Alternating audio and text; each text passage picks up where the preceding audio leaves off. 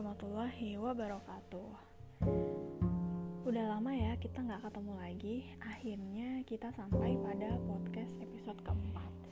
Kali ini kita akan membahas tentang suatu hal yang sering banget kita alamin Bahkan uh, juga orang-orang di sekitar kita ngalamin ini gitu Tentang perasaan insecure. Nah, pernah nggak sih kepikiran kalau kamu itu nggak berhak sama apa pun yang ada di dunia ini? Mungkin kamu ngerasa gak berhak untuk disayang sampai-sampai kamu ngejauhin duluan orang yang sayang sama kamu. Karena kamu ngerasa dia gak beneran sayang, atau mungkin kamu menolak pujian atau bahkan menolak tawaran dan kesempatan yang baik buat kamu, cuma karena kamu ngerasa gak pantas gitu.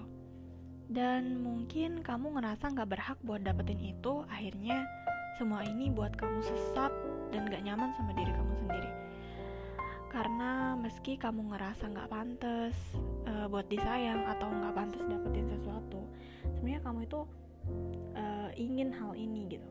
Tapi kenapa rasanya susah banget buat nerima hal-hal yang kayak gitu? Tapi uh, coba kamu dengerin ini dan belajar ya. Fenomena tadi dalam kehidupan kita dikenal dengan istilah self sabotage yang di mana kita sengaja melakukan suatu hal yang membuat kita mencegah diri kita untuk mencapai tujuan. Nah, pertanyaannya, kenapa sih kita ngelakuin ini? Kenapa orang ngelakuin self-sabotage? Banyak alasan kenapa orang ngelakuin ini. Ada yang disadari maupun nggak kita sadari. Karena mereka merasa nggak layak atau nggak pantas, dan akhirnya mereka nolak untuk sukses karena rasa insecure terhadap kemampuan dirinya kalaupun dia ngambil kesempatan ini ujung-ujungnya bakal gagal gitu. Penyebabnya emang banyak ya tapi secara umum rasa minder ini berakar dari perasaan insecure atau kurangnya rasa percaya terhadap diri kita sendiri. Sampai-sampai kita ingin membuktikan bahwa kita emang jelek kita emang gak mampu kita emang males. Perasaan insecure yang ekstrim ini datangnya dari mana sih? Nah biasanya Perasaan insecure ini datang dari critical inner voice atau bisa dibilang kritik yang datang dari dalam diri kita sendiri. Yang hal itu terbentuk dari pengalaman hidup kita khususnya ketika kita kecil. Kalau kamu belum kebayang, critical inner voice ini adalah suara dari otak kita yang suka bilang kalau diri kita itu payah, males, nggak bisa ngapa-ngapain, Kritikus dalam diri biasanya terbentuk karena kita menginternalisasi perkataan dari orang tua kita atau orang-orang di sekitar kita. Saat kita kecil, semisal orang tua kita sering bilang kalau kita itu pemalas. Alhasil, sekarang kita nolak kesempatan karena yakin kalau kita nggak akan sukses. Karena ujung-ujungnya kita bakal males gitu. Bisa jadi dulu orang tua kita juga sering bilang kalau kita nggak berhak dicintai alhasil kita menjauhi orang yang bilang sayang ke kita. Karena uh, kita berpikir ah kayaknya dia pura-pura gitu.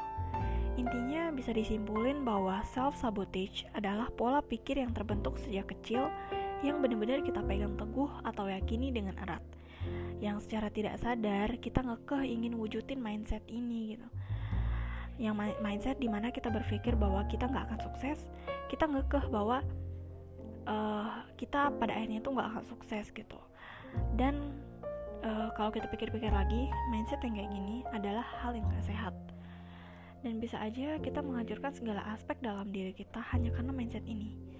Kalau kamu ngerasa uh, ngerasain hal ini sekarang tenang jangan panik. Karena masih ada waktu kok buat perbaiki semuanya. It's okay kamu coba langkah-langkah ini secara perlahan ya. Pertama kamu mengenali pola pikir yang mendorong kamu untuk melakukan self-sabotage. Apakah cara pikir bahwa kamu akan gagal, kamu itu payah, dan sebagainya? Coba kamu identifikasi. Oh, ternyata yang mendorong kamu melakukan self-sabotage itu karena kritikus yang terbentuk sejak lama. Tapi belum tentu ini benar ya. Jadi kita harus mengenali. Karena ini belum tentu benar, terbentuk sejak lama, kamu juga bisa mencoba uh, untuk belajar sabotase balik atau melawan pola pikir tadi dengan hal-hal yang bersifat lebih rasional. Coba deh kamu tulis hal yang sebaliknya dari diri kamu dan juga fakta-fakta tentang masa lalu kamu yang bisa mendukung hal yang rasional ini. Semisal kamu berpikir kamu gagal, kamu harus mengingatkan diri kamu tentang pengalaman ketika berhasil.